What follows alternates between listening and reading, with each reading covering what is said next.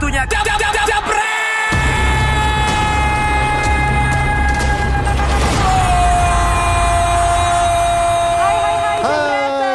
tumben gak ada lagu-lagunya dulu? Iya, Biasanya ada Panji, oh, ada cuman ya? kamu kurang denger Oh kayaknya. iya iya iya iya iya.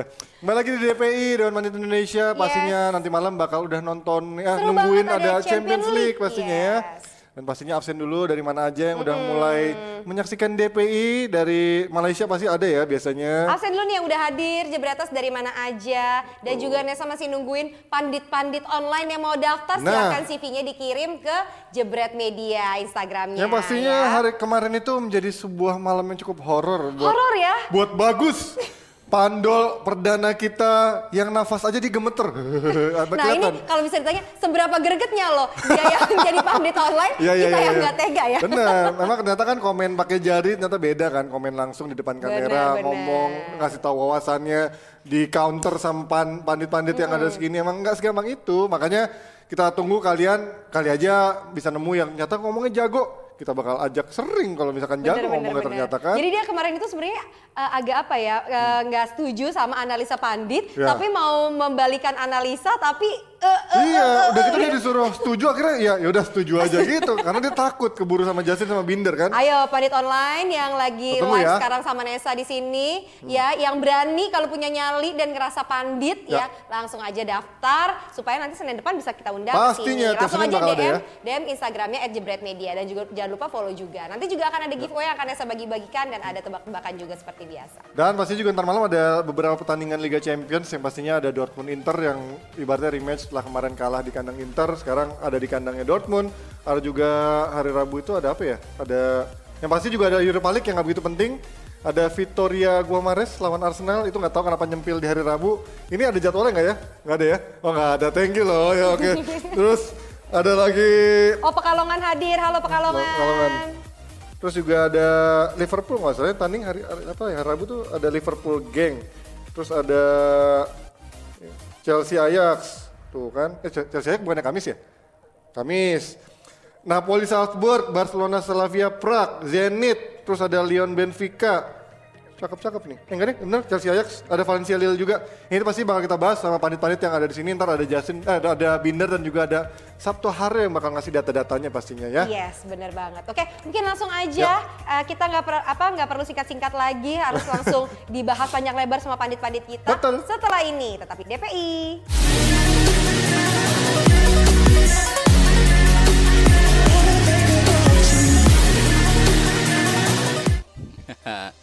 Tuh kan, bingung kan? Lihat gue sendiri, gue aja bingung. Bukan cuman bagus doang yang dikerjain, gue juga dikerjain di sini. gue disuruh ngomong tentang data. Data apa nih? Data yang lagi ada di depan tadi ya. Di depan ada tackle horror.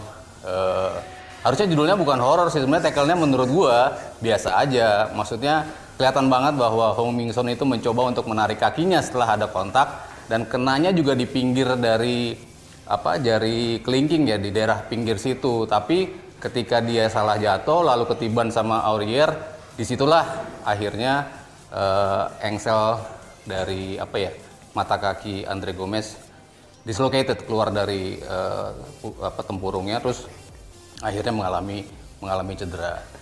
Terus kalau sesuai rundown nih pembah- pembahasannya adalah apakah cocok itu menjadi kartu merah dan berapa hukuman yang sepantas buat Hong Ming Son. Ya kalau menurut gue tadi ketika dia sudah mendapatkan kar- kartu merah biasanya ketika wasit memberikan kartu merah adalah otomatis satu pertandingan. Cuman tergantung nanti dinilai seberapa kasar intensi dari Hong Ming Son itu sendiri. Apakah dia memang betul-betul berniat untuk mencederai pemain tersebut? Kalau dia dinilai memang berniat kan ada beberapa tackle-tackle di masa lalu terlihat bahwa ada yang full sampai naik, ada yang dua kaki, eh, macam-macam bentuk pelanggaran. Ketika itu dinilai sebuah sebuah pelanggaran yang disengaja untuk mencederai lawan, ada hukuman tambahan biasanya 2 sampai 5 bahkan ada yang eh, 8 pertandingan berturut-turut. Kalau kita lihat contoh di Ligue 1, Ligue 1 itu termasuk salah satu liga yang cukup keras untuk memberikan hukuman kepada para pemain karena ada apa eh, coba coba dilindungi pemain-pemainnya dari terjangan-terjangan kasar. Ada pelanggaran di mana 10 pertandingan diberikan kepada Korzoma pada waktu itu dia eh, mencederai salah satu pemain lawan dari Sosio dia apa mendapatkan 10 pertandingan ditambah denda 5.000 US dollar. Sementara se- di musim sebelumnya 2012 ada salah satu pemain juga di 1 juga terkena hukuman 11 pertandingan sehingga dia tidak bisa eh, bermain di 11 pertandingan berturut-turut. Kalau kita lihat yang paling panjang mungkin salah satunya di Liga Vietnam. Salah satu pemain eh, Vietnam melakukan pelanggaran dan dia nilai berbahaya 28 pertandingan dia tidak boleh bermain. Kalau yang paling parah lagi ada lagi yang sampai dia harus meringkuk di balik jeruji ketika dia melakukan pelanggaran cuman memang di partai amatir karena partai amatir di sebuah liga akhirnya dia mendapatkan pelanggaran sampai harus dibawa ke pengadilan nah ini dia orangnya Nathaniel Kerr kalau nggak salah ya. Nat. Gua tabok loh masa gue disuruh nggak tegang? Kan susah ya gue biasa ngomentarin gue disuruh bawain. Ya tadi tuh kalau kita lihat fotonya Nathaniel Kerr. Dia mendapatkan eh, apa pelanggaran ya udah diusir di partai itu tapi dibawa ke pengadilan.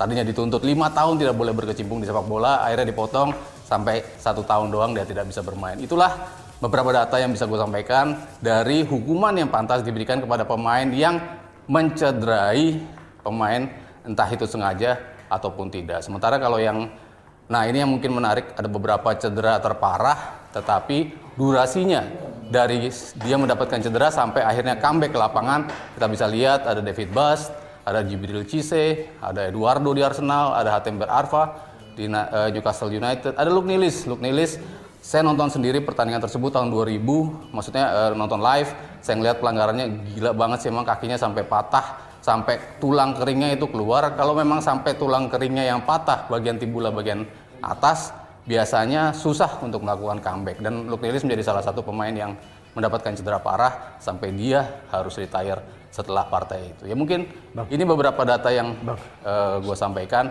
tentang durasi dari hukuman yang diberikan sama durasi dari pemain yang bisa kembali comeback setelah mengalami cedera. Kepalanya ditutup begini. Habis ini Iya, kita kembali lagi sama host yang beneran nih. Ini kan gua tadi host kardus nih. Sekarang host beneran. Panji.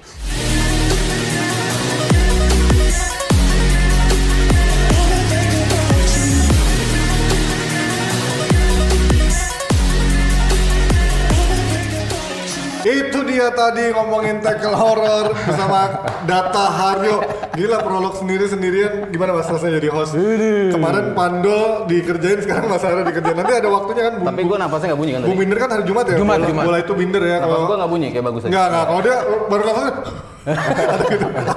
Kering, keringetan juga dia Iya kemarin. tapi dia harus pegang sesuatu juga kemarin si Pandol itu kan. Kalau goyang ya. Iya. gini. Gaya pegangnya gimana itu tadi? Begini. pegangnya kan gini-begini pak, sampai bunyi puk gitu. Oke lah, kalau ngomongin tackle horror, semoga nggak ada tackle horror lagi terjadi di Liga Ma, di Liga Malam Jumat di Liga Tengah Pekan ini antara Liga Champions yang pastinya ada Dortmund lawan Inter juga yang yang lumayan rivalitasnya udah mulai apa sengit karena angkanya sama. Ya. Ibaratnya mereka akan saling membunuh untuk demi lolos dari fase grup. Kalau ngeliat dari kemarin em, berkaca dari laga laga, laga kandangnya di Inter Milan sendiri, kita ngeliatin karena nggak ada Royce, nggak ada Alcacer, akhirnya serangannya sedikit tumpul. Bagaimana dengan sekarang ketika bermain di kandang sendiri?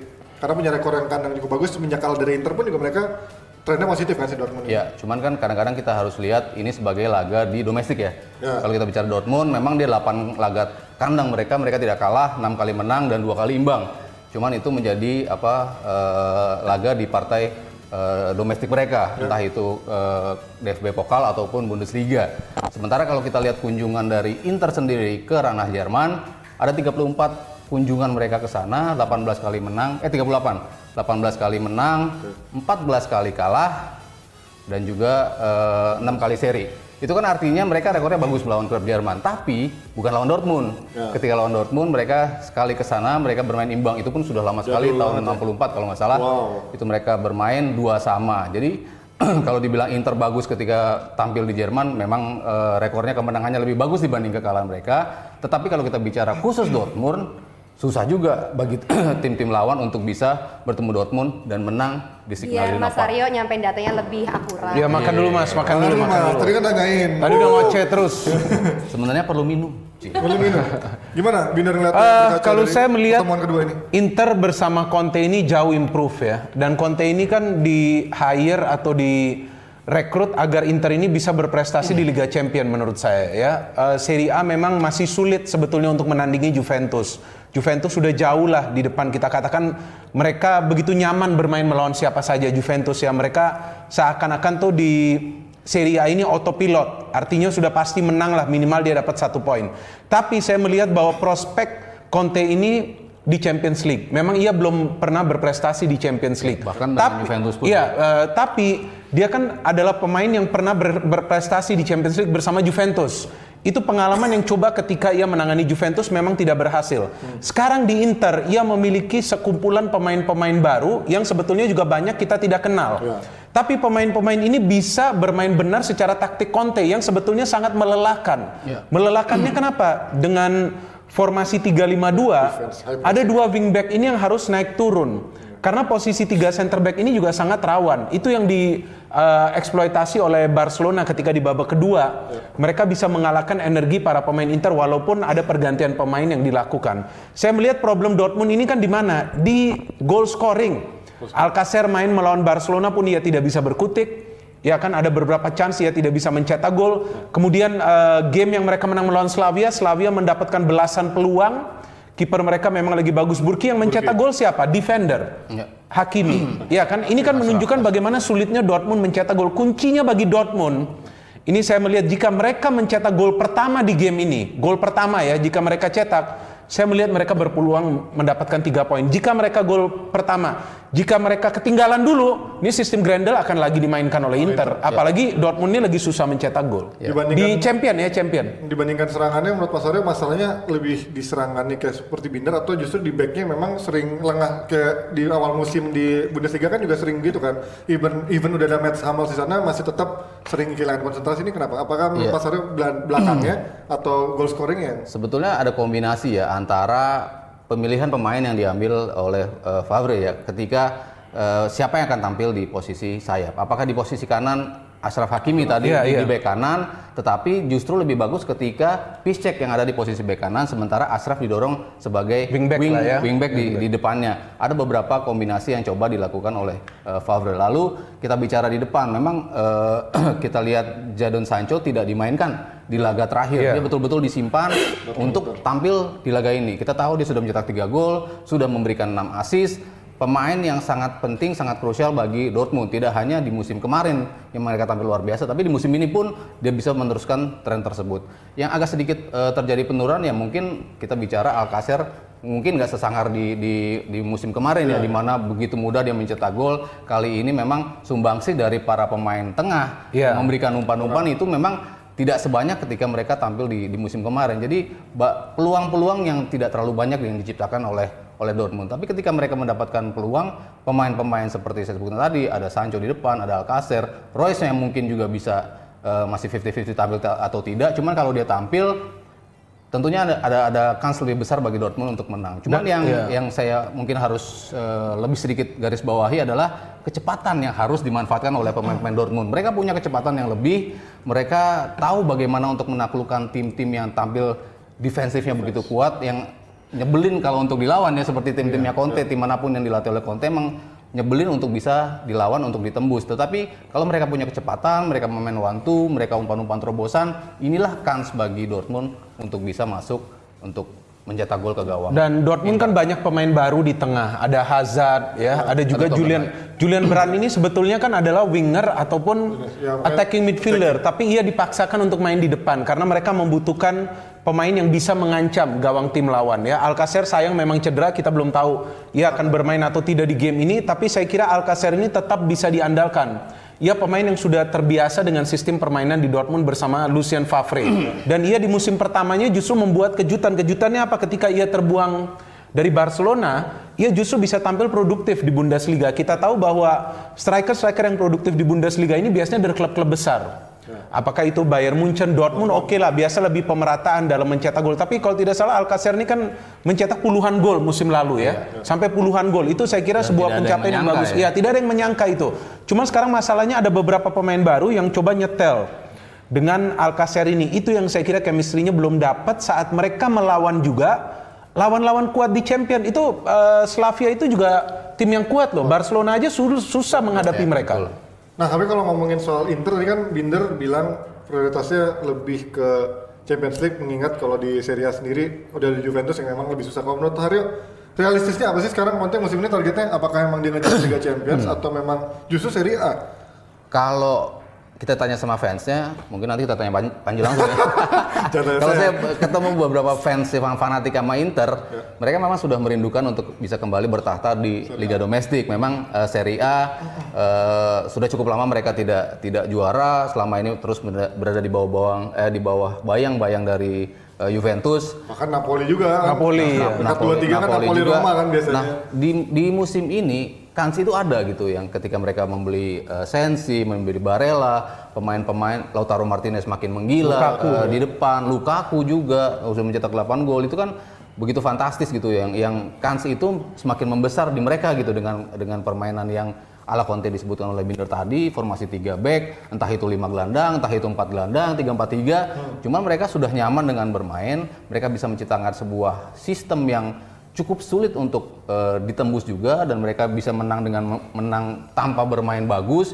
Itu kan tim yang diasuh oleh Conte kan seperti itu kan di Chelsea seperti itu di Juventus Menangnya juga menangnya juga tipis-tipis, tipis-tipis. Nah, winning ini gitu lah ya. kans mereka untuk tampil konsisten itu ada. Mereka kan baru kalah kan lawan Juventus kan. Itu dia. itu dia. Eh, jadi kalau mereka se- selama mereka bisa menjaga konsistensinya itu dan sambil berharap ada apa undian yang cukup bagus di Liga Champion mungkin mereka bisa bisa menatap Liga Champion juga cuman kalau saya kira prioritas dengan mereka tampil bagus di awal-awal musim ini justru Liga Champion eh, apa Serie A adalah salah satu target yang tidak terlalu mustahil menurut saya agak-agak realistis juga. Dia cuman di Serie A ini kan seperti yang saya katakan ini lawan dia ini hanya Juventus.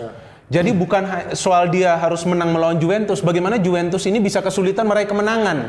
Jika Juve ini bisa sulit meraih kemenangan di game-game lain, barulah ada peluang dari Inter ini. First game saja melawan Juventus mereka sudah kalah. Ya kan mereka kalah kualitas, mereka kalah game plan, mereka kalah kecepatan. Semuanya mereka kalah dengan kematangan Juventus yang sekarang kita tahu penambahan Ronaldo Juventus pun sebetulnya incarannya ini juga ke Liga Champions. Itulah mengera- mengapa mereka eh, membeli Ronaldo eh, musim lalu.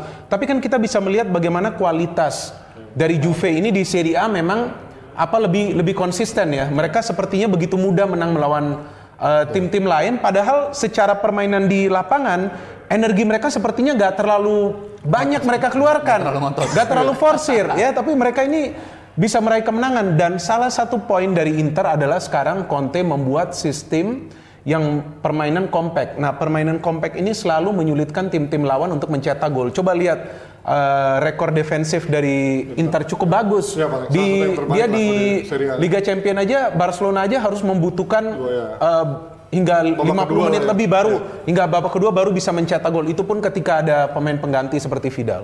Nah, satu nama yang disorot adalah Lautaro Martinez. Dia bukan Lukaku yang dilulukan sebagai the real apa strikernya atau the apa bomber ujung tombaknya, tapi selalu perannya penting.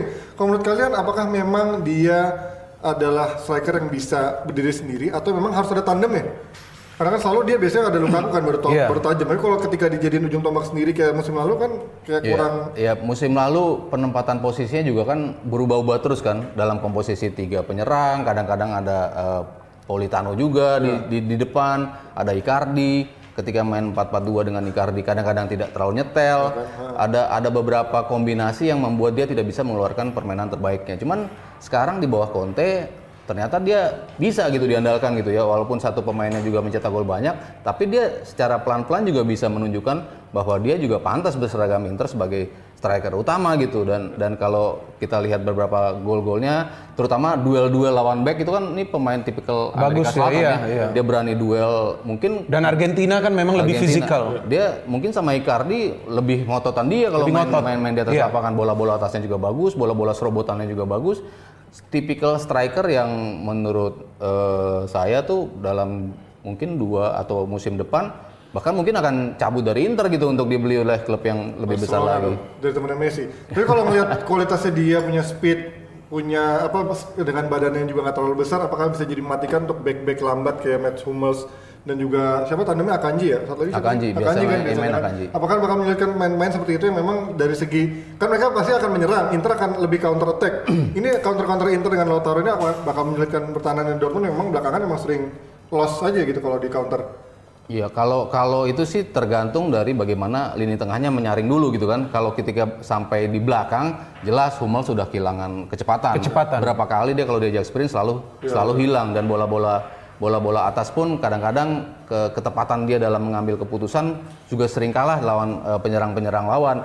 Ketika dia dibiarkan dalam posisi one on one melawan Hummels entah Akanji di, di sebelahnya ini akan menjadi bahaya bagi eh, bagi Dortmund. Tapi bagaimana lini tengah mereka dulu menyaring pemain-pemain yang seperti yang punya kecepatan terutama seperti Lautaro tadi agar tidak bisa masuk dulu ke sepertiga lapangan untuk bisa melakukan penetrasi ke dalam kotak Dan saya kira ia tetap harus memiliki partner di depan karena Lukaku dan Lautaro ini di awal musim paling nggak chemistry-nya sudah sangat bagus dari segi peran. Artinya tugas mereka ini tidak hanya untuk mencetak gol tapi juga bergerak.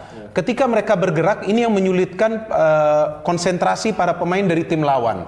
Ketika Sanchez yang main bersama Lautaro Martinez tidak banyak peluang yang bisa diciptakan. Tidak banyak bola ia dapat karena Sanchez ini kan terlalu lama meng- menguasai bola. Tapi ketika ada dua striker yang bermain striker murni, walaupun mereka ini tidak berada hanya di depan untuk menunggu bola, tapi pergerakan Lukaku dan Lautaro Martinez ini kan sama cepatnya. Agresivitasnya juga sama, nyari ya kan? juga. Cuma bedanya kan sebagai pemain dari Amerika Selatan tentu teknik permainannya sedikit lebih tinggi dibandingkan oleh Lukaku yang lebih direct, yang lebih memilih untuk shooting daripada menggocek bola atau atau apa mencoba mempermainkan teknik tinggi. Oke, langsung aja kita tanya prediksinya dari Binder dan juga Haryo di kandang Main di ma- Dortmund. main di kandang Dortmund, Dortmund. kan? Berapa sk- skornya? Kayak Dortmund menang sih. Ah. Kalau kalau menurut lah, kemarin kan udah menang itu. Ya jangan dong, malah kalau lolos nanti terus. Enggak, kalau menurut gue seri. Seri? Ini Inter akan cari paksa ini untuk main seri. Kemudian final game baru dia akan duel melawan uh, Barca, uh, Barca kan? Itu final game kan? Ya, skor lu, skor. Inter Inter Barca final game Iya, kan? iya. Ini dia akan paksakan seri dulu nih. Oh, tolong ngoprek kalah lagi. skor deh, sebut skor. Biar enak.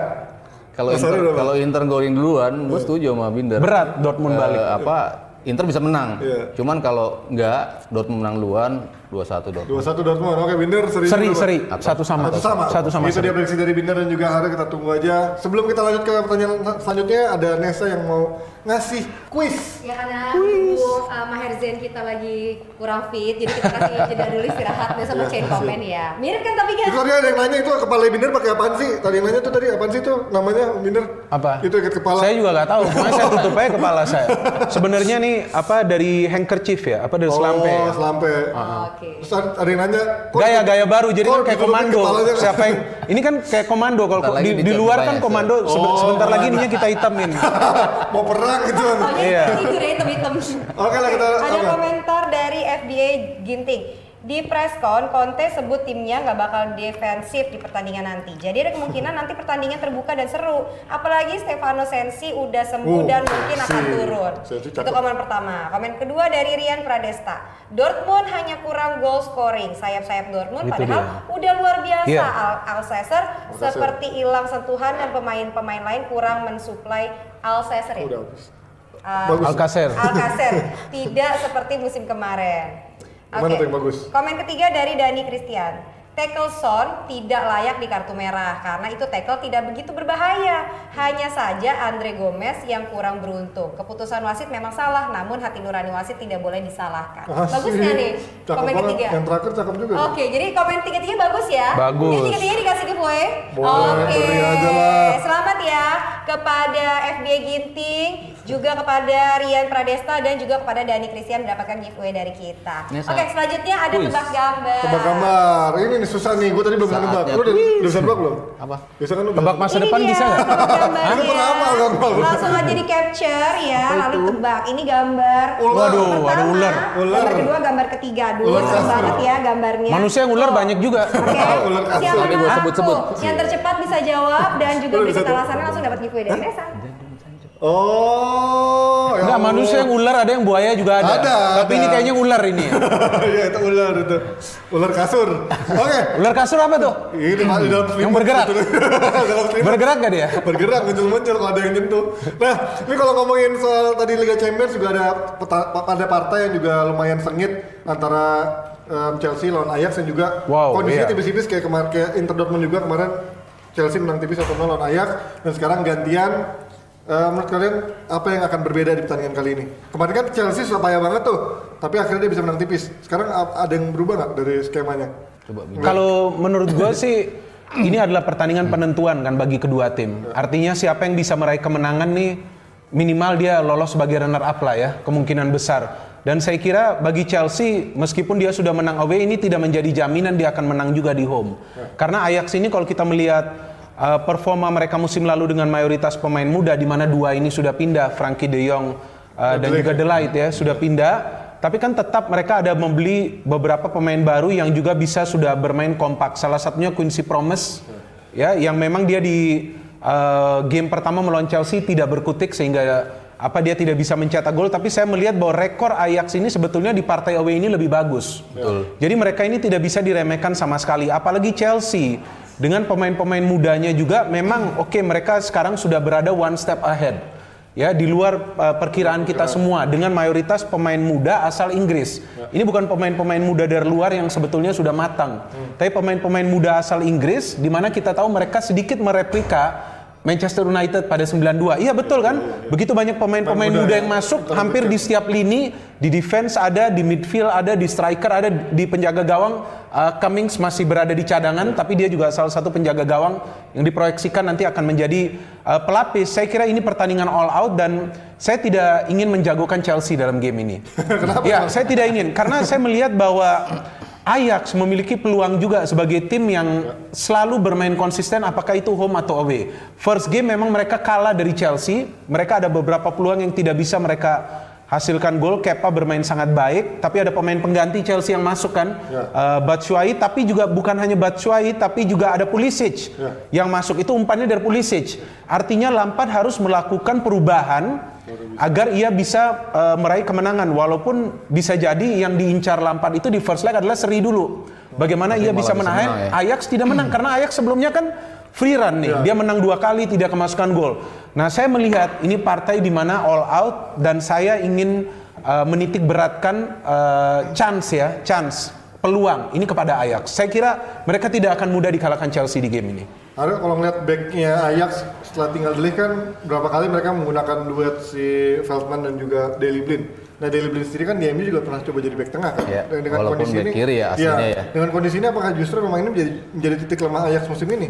Apalagi Liga Champions ya kan Blind dari Iya. segi postur nggak begitu tinggi, kecepatan juga nggak cepet-cepet banget. Iya, cuman dia punya apa? Visi eh, apa membaca permainan. Betul, eh, kemampuan untuk membaca permainan dengan dengan begitu bagus. Makanya kenapa Ajax juga khususnya di Liga Champions sebelum kalah sama Chelsea tadi Binder sempat eh, sempat singgung kan, menangnya gede-gede dan tidak kebobolan gol. Sulit kemasukan gol. Ya, gak kebobolan lu dia di Nggak- champion. nggak nggak kebobolan gol. Terus kalau kita lihat dari sisi eh, apa? Dari sisi permainan sepolos apa nih Ajax? Kan kalau gue selalu melihat Ajax sebagai tim yang hanya bisa nyerang nih. Iya. Mereka tidak Iya, bisa iya, bertahan. iya. Ketika mereka tercounter, ketika mereka mendapatkan tim yang secara pemahaman taktik Pochettino menurut eh, saya lebih matang justru dibandingkan Ten Hag.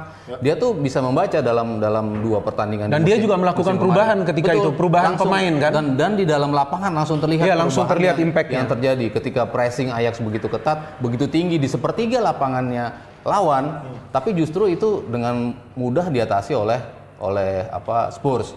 Jadi kalau strategi ini dibaca lagi sama Frank Lampard dan pemain-pemain muda Chelsea punya kemampuan untuk melakukan itu dari sisi mereka melawan eh, dengan pressing, bagaimana mereka juga ketika kehilangan bola harus cepat merebut bola kembali, lalu eh, kombinasi dari beberapa pemain yang eh, ya bisa dibilang punya senioritas juga seperti William di situ apa kemampuan untuk bisa eh, reading the game. Dan Lampard eh, secara mengejutkan menurut saya walaupun dia datang dari Derby County tapi dia bisa nyetel dia bisa memahami beberapa tactical eh, apa yang ada di atas lapangan melawan lawan yang berbeda memainkan sepak bola yang berbeda. Pergantian pemain dia juga kerap menjadikan perubahan langsung di atas lapangan. Ini kemampuan atau apa eh, kesempatan bagi bagi Chelsea untuk bisa lagi-lagi menyulitkan Ajax ya mungkin tidak ya tidak sampai menang tapi seri tapi kalau dia bisa membaca permainan seperti yang gue bilang tadi mereka bisa langsung mengcounter dengan dengan skema yang diciptakan langsung di atas lapangan bukan bukan nggak mungkin juga dan bisa kekuatan kembali menang dan kekuatan Chelsea dengan Ajax ini kan mirip. Apa para pemain ini bermain tanpa rasa takut. Artinya mereka bermain terbuka, mereka bermain lepas dan ke- eh, kebetulan juga kan mereka mayoritas pemain-pemain muda. Chelsea kalau kita hitung eh, pemain di bawah umur 22 tahun mungkin ada sekitar 10 atau 11 pemain. Ajax juga kita tahu begitu banyak pemain yang masih stay seperti Van de Beek salah satunya. Artinya kan eh, mereka tidak melepas eh, pemain-pemain mereka seperti ketika mereka juara di 95. Oh, ketika iya, mereka menjuara champion itu kan seperti mereka cuci gudang. Gudangnya padahal gak kotor-kotor amat, tapi kan dicuci semua, di, dilepas kan begitu banyak pemain. Tapi kan ini enggak. Ada tiga lah ya. Iya, ini kan mereka tidak melepas eh, mayoritas pemain mereka. Ada Shone juga yang yang juga juga dilepas. Tapi dari Ajax juga saya kira mereka ingin juga meru- eh, membuat sebuah perubahan di Liga Champions. Ini kan sudah lama nih klub asal Belanda ini tidak berprestasi. Ajax bisa masuk sampai ke semifinal musim lalu saja, di mana mereka bisa mengalahkan Real Madrid di kandang Madrid, mengalahkan Juventus di di mana di kandang Juve juga kalau tidak Ya, salah. 2-1. Iya kan itu kan sebuah pencapaian di mana mereka lakukan tanpa pressure, tanpa ada beban. Artinya apa? Mereka ini menikmati, enjoy the game. Itu yang juga dilakukan Chelsea. Itu yang saya mengatakan, walaupun ini dua pem- eh, dua tim akan bermain terbuka, tapi Ajax memiliki keunggulan di mana mayoritas pemain mereka ini berpengalaman dari petualangan musim lalu. Nah, itu yang akan mereka gunakan nanti melawan Chelsea. Dan saya kira Hentain Kata ini kan bukan eh, pelatih yang baru saja menangani Ajax. Ia tentu akan bisa membaca apa kesalahan. Di game pertama yang membuat Lampard itu membuat sebuah perubahan. Artinya jika ada counter juga dari dia, mungkin ini akan menyulitkan Chelsea. Tapi kalau menurut kalian berdua, eh, Ajax akan bisa melaju sejauh musim lalu nggak sih? Apa cuman one season wonder kemarin Tergantung siapa Lihat siapa dia ketemu lawan-lawan. nanti. Enggak sih. Dari segi sekarang kedalaman skuadnya iya, tinggal dari dari kedalaman juga Frankie itu, de Jong. Ya walaupun mereka bisa bisa apa keep up ya tetap ya tetap bisa mempertahankan sepak bola mereka tetap bisa apa agresif dalam sisi permainan tetap bisa dipertahankan. Cuman eh, pemain-pemain yang punya critical thinking yang luar biasa seperti di belakang Delih di tengah apalagi Frankie De Jong itu yang kadang-kadang mungkin tidak mencetak gol tapi dia pengaruhnya begitu besar terhadap game itu secara secara overall. Hilangnya dua pemain ini khususnya ditambah Shona tadi eh, seperti disinggung sama Binter juga itu agak sedikit membuat perbedaan yang eh, cukup signifikan di, di, di Ajax. Ketemu Chelsea yang di kandang sendiri, orang memperkirakan Ajax bakal menang. Apalagi mereka belum kebobolan, tapi justru mereka kalah. Kalah, kalah. Lawan yang harusnya, kalau kita bicara jujur di atas kertas, harusnya kan mereka bisa menang gitu kan. Tapi mereka bertemu tim seperti Chelsea, mereka kehilangan poin, bahkan mereka kalah. Jadi dari sisi ke apa kedalaman squad itu, saya rasa belum sampai untuk bisa sampai ke semifinal. Saya pikir tergantung siapa lawan mereka. Ya kan kalau mereka ketemu tim yang biasa memiliki tradisi bagus di Champions, contohnya Barcelona, Real Madrid, ya saya kira ini akan sulit. Walaupun musim lalu kan mereka menang melawan Real Madrid. Tapi kan eh, sekarang kan sedikit beda kondisinya. Barcelona juga sama. Ini tim yang eh, memiliki tradisi bagus untuk lolos minimal sampai semifinal di Liga Champions. Bayern Munich juga masih ada. Ya. Tim-tim besar Liverpool masih ada juara bertahan. City. Nah, eh, City bahkan saya kira kalau ketemu City pun Ajax akan sulit. Tapi kalau dia ketemu tim-tim yang mungkin nanti membuat kejutan, mana tahu seperti Dortmund nih lolos ya kita pegang Ajax lah. Dia dia akan bisa bisa lebih berpeluang mengalahkan eh, Dortmund karena itu saya melihat mayoritas pemain dari musim lalu ini masih stay di sini. Itu itu itu akan sangat bermanfaat bagi Ajax. Mudah-mudahan ketemu Madrid lagi ya, biar Madrid kalah lagi. Oke. kalau Aman kok, kan udah mulai bagus. Madrid tuh udah tiga game terakhir clean sheet loh. Lo, lo. Sayang nggak ketemu MU. kan itu hari ketemu di Europa Eh, League. kalau ketemu tim jago malah jago pak. Kalau ketemu tim bego langsung bego. Eh, jangan ngomong MU lagi nanti gue diserang. Gue disuruh ngotor lu masa. Kapan kita bahas MU? Tapi kalau ngomongin soal Chelsea ini mulai ada eh, media-media mulai mengangkat-ngangkat trio kombinasi trio lini tengahnya Chelsea, Jorginho, Conte, Kante ya atau si sama si Mount sebagai kombinasi terbaik yang ada saat ini. Menurut kalian? Setuju ada juga kan Willian Nggak, kalau di lini tengahnya, Willian kan lebih biasa agak ke pinggir kan, lebih ke winger. Kalau menurut kalian setuju nggak di Premier League kombinasi tiga ini menjadi yang apa one of the best?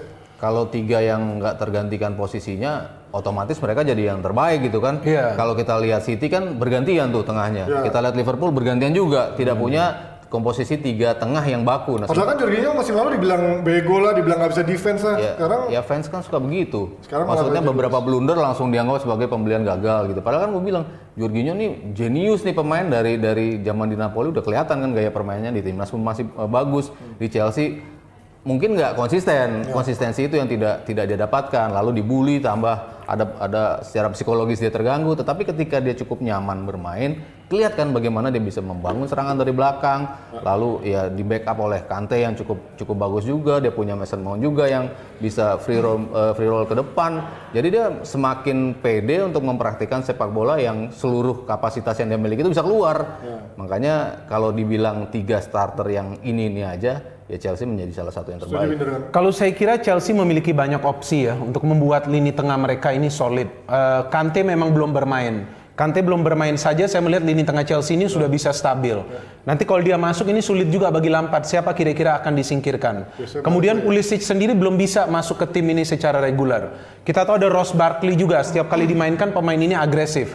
Saya tidak melihat bahwa lini tengah Chelsea ini akan eh, ditempati oleh pemain yang itu-itu saja. Tapi saya melihat bahwa Lampard akan terus melakukan rotasi dan membuat kompetisi di antara mereka agar mereka ini bisa bermain stabil karena kita harus ingat loh bahwa Chelsea ini tidak bisa membeli pemain. Jadi ia harus membuat kompetisi di antara pemain ini sehat, jangan mereka beranggapan bahwa pemain ini tidak bisa dibeli, kemudian mereka ini mendapatkan tempat secara reguler. Itu yang kita melihat pergantian dari Lampard ini kebanyakan dilakukan di mana di tengah. Kalau di center back, ia sekarang sudah lebih memilih Tomori bersama juga dengan Zuma.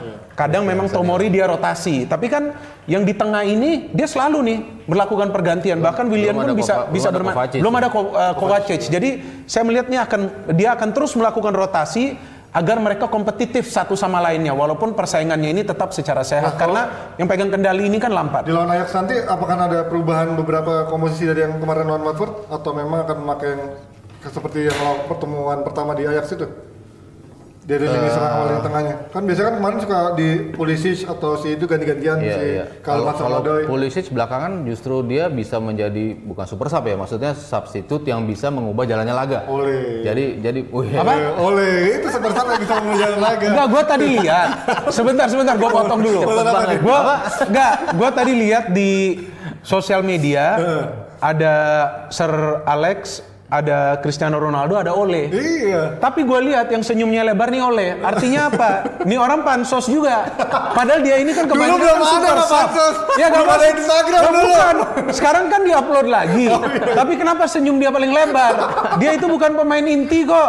Dia itu legend super sub. Iya, iya, iya. Selalu muncul pada saat dibutuhkan. Justru Iya, kan? cuma zaman dia itu super sub jarang Pak, makanya jadi legend Maka dia. itu di mana ada gula, di sana ada semut. Tapi lu harus perhatikan semutnya itu bukan semut merah, hitam yang datang, iya gak? Nah, ini oleh ini semut hitam. Jadi di mana diperlukan gula ditebarin, dia datang dia cetak gol.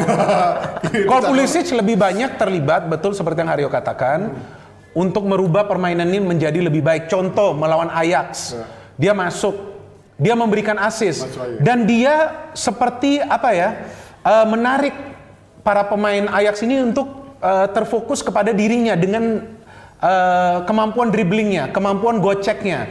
Artinya apa? Dia ini seperti magnet. Ketika dia menarik perhatian para pemain Ajax, di sanalah para pemain Chelsea lain ini bisa mencari ruang dan ia bisa memberikan umpan yang juga bagus kepada Batshuayi, di mana Batshuayi juga adalah pemain yang dua kali tampil sebagai pemain pengganti dan setiap kali ia tampil sebagai pemain pengganti itu mengingat kita kita kepada Ole. Ole. Karena dia mencetak dua gol. Tapi dia nggak mungkin legend di Chelsea karena super sub. Enggak, enggak, enggak, karena jarang main juga. Iya. Tapi kalau ngomongin soal skor, menurut kalian siapa yang akan menang dari Aryo. laga nanti? Aryo, skor. Nggak menang atau seri kan? Nggak harus skornya. Skor Harus skor kalau kata orang baik layar. Chelsea Berapa? Berapa? Satu gol, 1-0 lagi sama ke kemarin. 1-0, 1-2-1. satu gol. bisa satu nol, bisa dua satu, Data bisa tiga, nggak usah didebat. bisa tiga dua. Kalau gua Ajax lah. Eh, Satu dua. 1-2. Oke, itu dari. Dibina dan juga Haryo. Kita udah dapat hasilnya tadi pemenangnya tebak gambar Tebak itu gambar. adalah yang menang Ivan Zamorano. Selamat ya Wow, Ivan. Ivan, ini Ivan Zamorano yang mana? Chile. Ini pemain atau Eh, panggil, panggil, Oh, panggil ke DPI.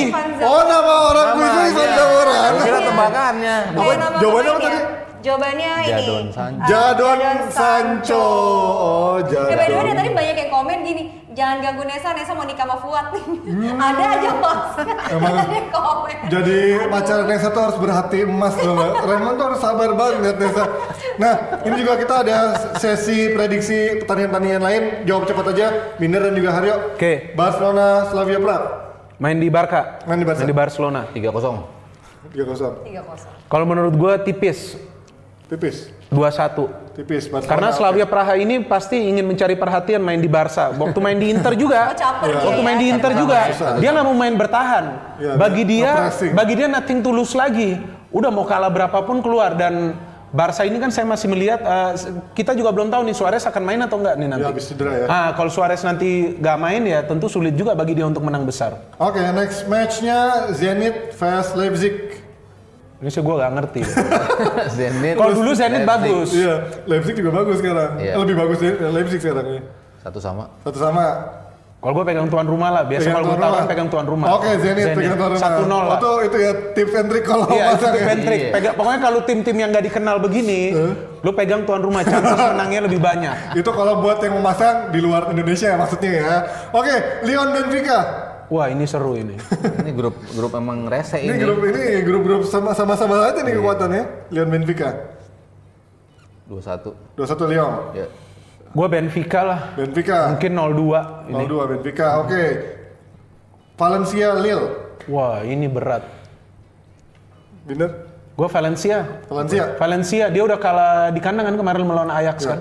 2-0. Kayak- kayaknya dia harus menang ini game karena setelah ini dia harus lawan Chelsea kan. Dia harus membuka harapan dia. Iya 2-0. gue sih bilang ya kasih lah ke siapa itu lawannya Lille ya. Lille. Lille 2-0. eh, L-nya 2 ya. Lille 2-0. Ah, kalau L-nya 2 kasih dia satu gol lah. Jadi 2-1, 2-1 Valencia. 2-1, menang. oke. Iya. Satu pertandingan lain yang gak begitu penting di Europa League nyempil Vitoria lawan Arsenal. Kenapa gak penting? Ya, ini gak penting. Woi, Lawannya kan gak penting. untuk Vitoria. Arsenal, Europa League ini Oh, sangat penting. Ini karena di- kenapa? Karena di kandangnya Vitoria kita pasang Vitoria. Bukan karena pelatihnya Unai Emery ini sukses. Eh, oh, di membawa, Europa membawa League. Sevilla tiga kali berturut-turut juara. Dia membawa ke final. Eh. Eh, dan uniknya form Arsenal di Europa League ini jauh lebih bagus. Ya. Sama kayak dia di Sevilla. Iya, dari di sama- liganya jelek. Iya, di dia Europa juara. League. Ini main di Vitoria. Vitoria. Menang aman Arsenal. Menang Vitoria. Oke, sembilan ini. Hei, Kan udah 0-3 lah, 0-3 tolong dicatat. Kita ketemu ntar di fase gugur ya antara Arsenal sama MU. Oke, itu dia prediksi dari Binder dan juga Haryo terkait lagi Liga Champions dan juga Europa League yang nyempil. Dan sekarang kita akan closing. Yes, jangan lupa ya DM Instagramnya Jebret Media Ya. untuk daftar menjadi pandit online. Siapin mental, langsung daftar. Jangan lupa juga subscribe dan follow. Hmm. Dan kita ketemu lagi besok. Kita Senin sampai Jumat jam 9 malam. Sampai ketemu besok di Dewan Pandit Indonesia. Aku Oke. Samus. Baik pemirsa, inilah dia waktunya